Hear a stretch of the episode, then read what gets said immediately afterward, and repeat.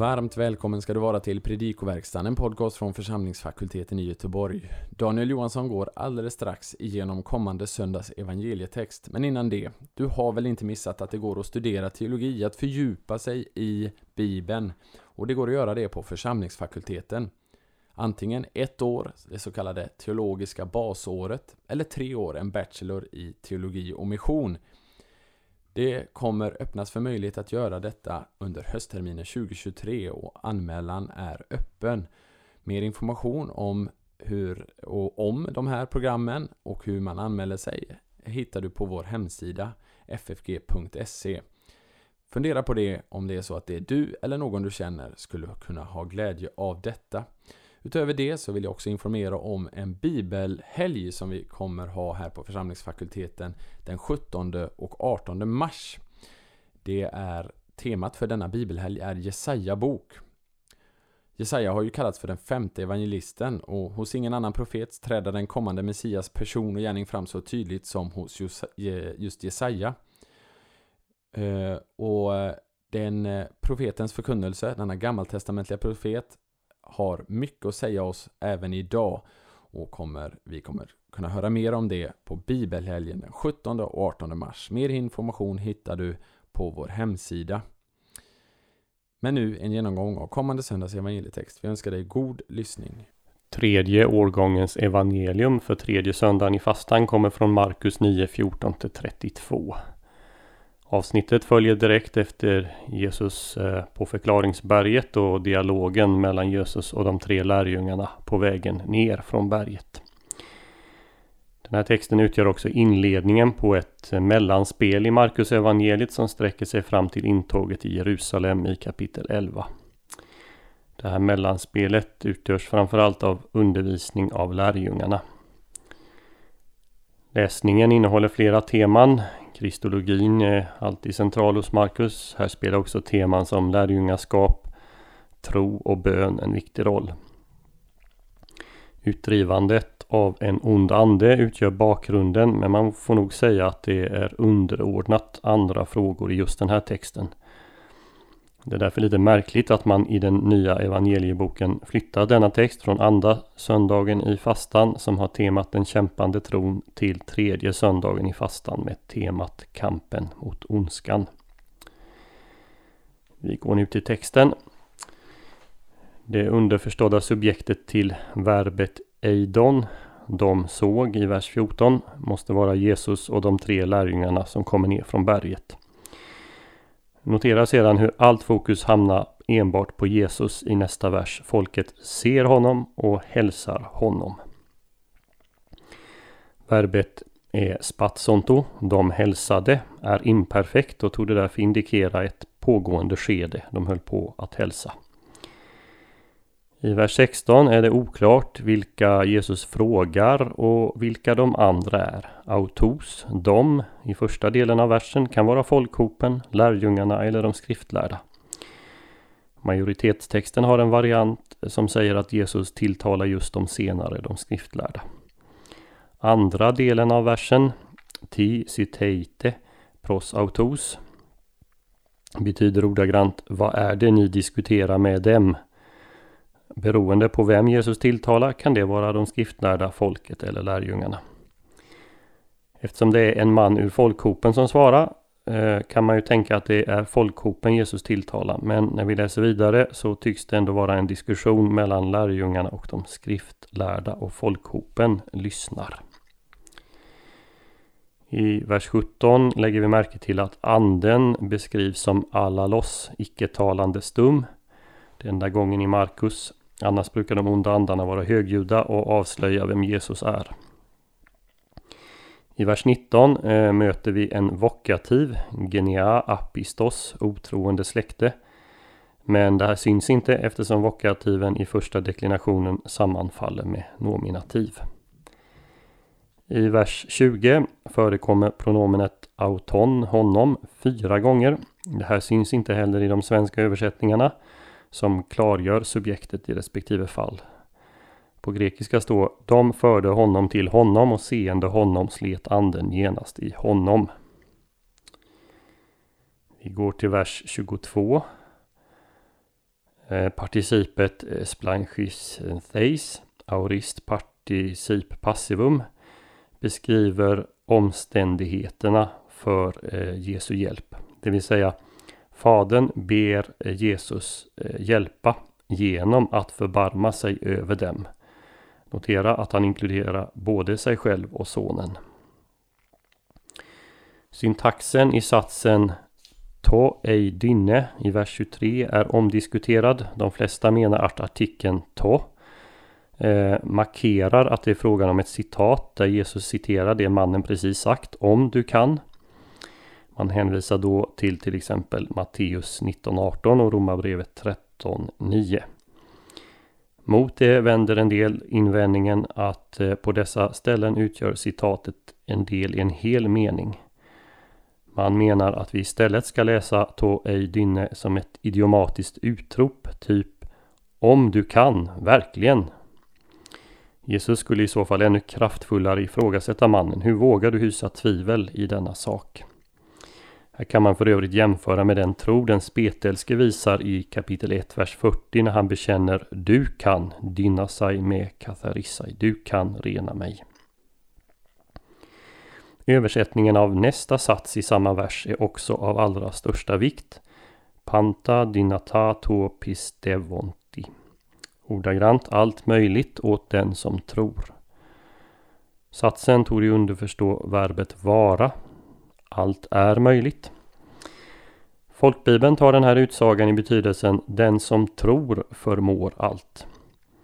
Bibel 2000 översätter lite mer tvetydigt allt är möjligt för den som tror. Grekiskan kan nämligen också ha betydelsen allt är möjligt för Gud att göra för den som tror. En del menar här att tvetydigheten är medveten och att den understryker å ena sidan att för Gud är allt möjligt och å andra sidan också att trons mottagande är nödvändigt. Någon utläggare ser till och med Jesu två naturer i utsagan. Som sann Gud är allt möjligt för honom. Som sann människa visar han en fullständig förtröstan på Gud i skarp kontrast till då det otroende släkte han tilltalar i vers 19. För egen del menar jag att utsagan bör läsas i ljuset av de nästan identiska utsagorna i 10.27 och 14.36 som säger att allt är möjligt för Gud. Det Jesus primärt vill säga är just det, allt är möjligt för Gud och för honom att göra, men det fordrar också trons mottagande. Jämför hur otron omöjliggör många kraftgärningar i Nasaret i kapitel 6. Det finns en utmärkt artikel på tyska om detta av Åtfrid Hofius. Eh, Se pdfen till denna podd på vår hemsida. Vi går till vers 25. Lägg märke till hur Jesus understryker sin egen auktoritet, förmodligen i kontrast till lärjungarnas misslyckanden. Ego epitassosoi, jag betonat befaller dig. Lägg också märke till att Jesus denna gång uttryckligen förbjuder den onde anden att återvända. I vers 26 och 27 bör man notera det uppståndelsespråk som används. Det har tidigare förekommit i helandet av Petri svärmor i kapitel 1 och inte minst Jairus dotter i kapitel 5. Och det anspelar förstås också på Jesu egen uppståndelse. Eis el thontos auto i vers 28 är en genitivus absolutus när de kom in. Och deni i vers 29 kan vara både maskulinum och neutrum och därmed översättas både ingen och inget. De svenska översättningarna löser tvetydigheten genom att översätta i passivum. Mer ordagrant står här Detta slag genom ingen eller inget kan gå ut utom genom bön. Många handskrifter innehåller här också substantivet nesteja, fasta. De flesta menar att det är ett tillägg. Det saknas i tidiga handskrifter som Sinaiticus och Vaticanus. I ljuset av kapitel 2, vers 19-20 där Jesus säger att hans lärjungar inte fastar medan brudgummen är hos dem så skulle det ju vara märkligt om just detta slag av exorcism skulle fordra fasta. Till sist noterar vi att verben i vers 31 och 32 står i imperfekt. Det innebär att Jesus håller på att undervisa men också att lärjungarna kontinuerligt inte förstår och inte vågar fråga honom. Vad lär sig då läsaren nu när vi i evangeliet förflyttas från en bergstoppserfarenhet till en bergsbottenserfarenhet? Jag tar fram fyra punkter. Kristologi. Folket blir starkt berörda när Jesus återvänder från berget. Det finns lite olika förklaringar till det. En del menar att den himmelska strålgansen finns kvar på Jesus. Markus säger ingenting om det.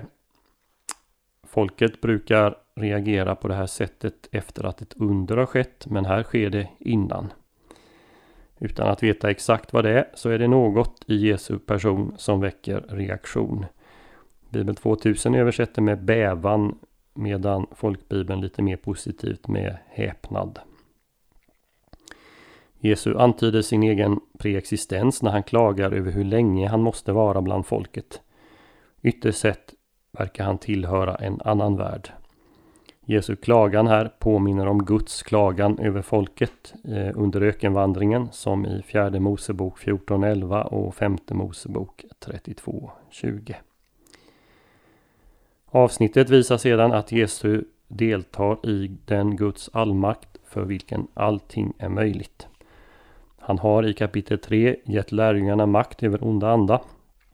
Men här har de inte förmått att driva ut den eftersom de brustit i bön. Det är inte bara det att Jesus avstår från bön när han helar pojken. Han betonar starkt att han befaller ego epitasso. Att det är frågan om ett särskilt svårt fall framgår ju av att pojken varit sjuk sedan födseln eller den tidiga barndomen. Sådana förväntades inte under några omständigheter bli friska. Det här avsnittet har också en hel del att säga om tron. Jesus beskriver mänsklighetens otro. Han klagar över denna. Pojkens pappa vänder sig till Jesus men med vissa tvivel. Han är inte säker på att problemet kan avhjälpas. När Jesus försäkrar honom att allt är möjligt visar han tro eh, i bön om att bli hjälpt med sin otro. Just där i visar han att han tror, men inte på sin egen tro utan på Jesus. Tron är inget människan själv kan skaffa sig, det är något man måste be om. Hjälp min otro. Faderns bön här har brukat kallas ett paradigm för tron. Avsnittet visar också ett exempel på hur lärjungarna eh, misslyckas. De kunde inte bota pojken och de undrar varför. Jesus svar är att de har brustit i bön. Det betyder sannolikt att de haft en övertro på sin egen förmåga och förlorat sitt beroende av Jesus och hans unika makt. Det var inte i egen kraft utan i hans kraft de fått gåvan att driva ut onda andar. Till sist också något om Jesus och ondskan.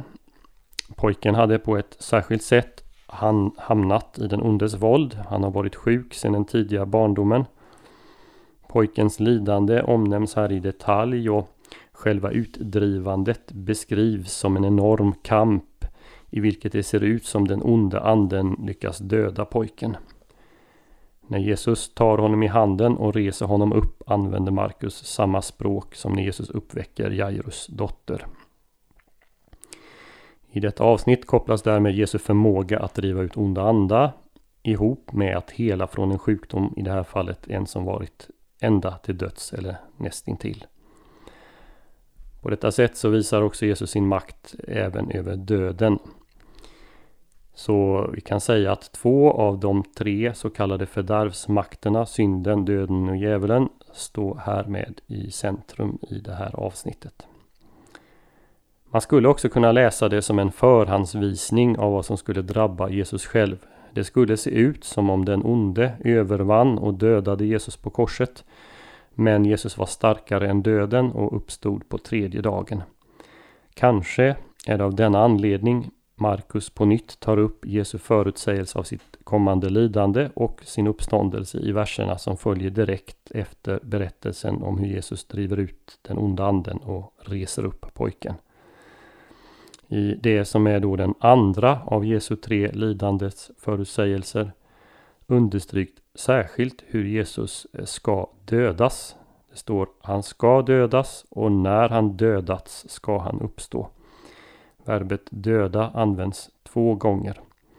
I den första förutsägelsen i 8.31 och i den tredje i 10.33 34 används det verbet bara en gång. Vi hoppas att denna genomgång får bli till hjälp och välsignelse för dig som har lyssnat. På vår hemsida www.ffg.se kan du hitta information om hur du kan stödja fakultetens arbete, som till exempel den här podcasten. Ett sätt att stödja är att skänka en gåva genom Swish. Församlingsfakultetens Swish-nummer är 123 100 84 57. Alltså 123 100 84 57. Mottagaren som anges är Peter Isak Bens utbildningsstiftelse.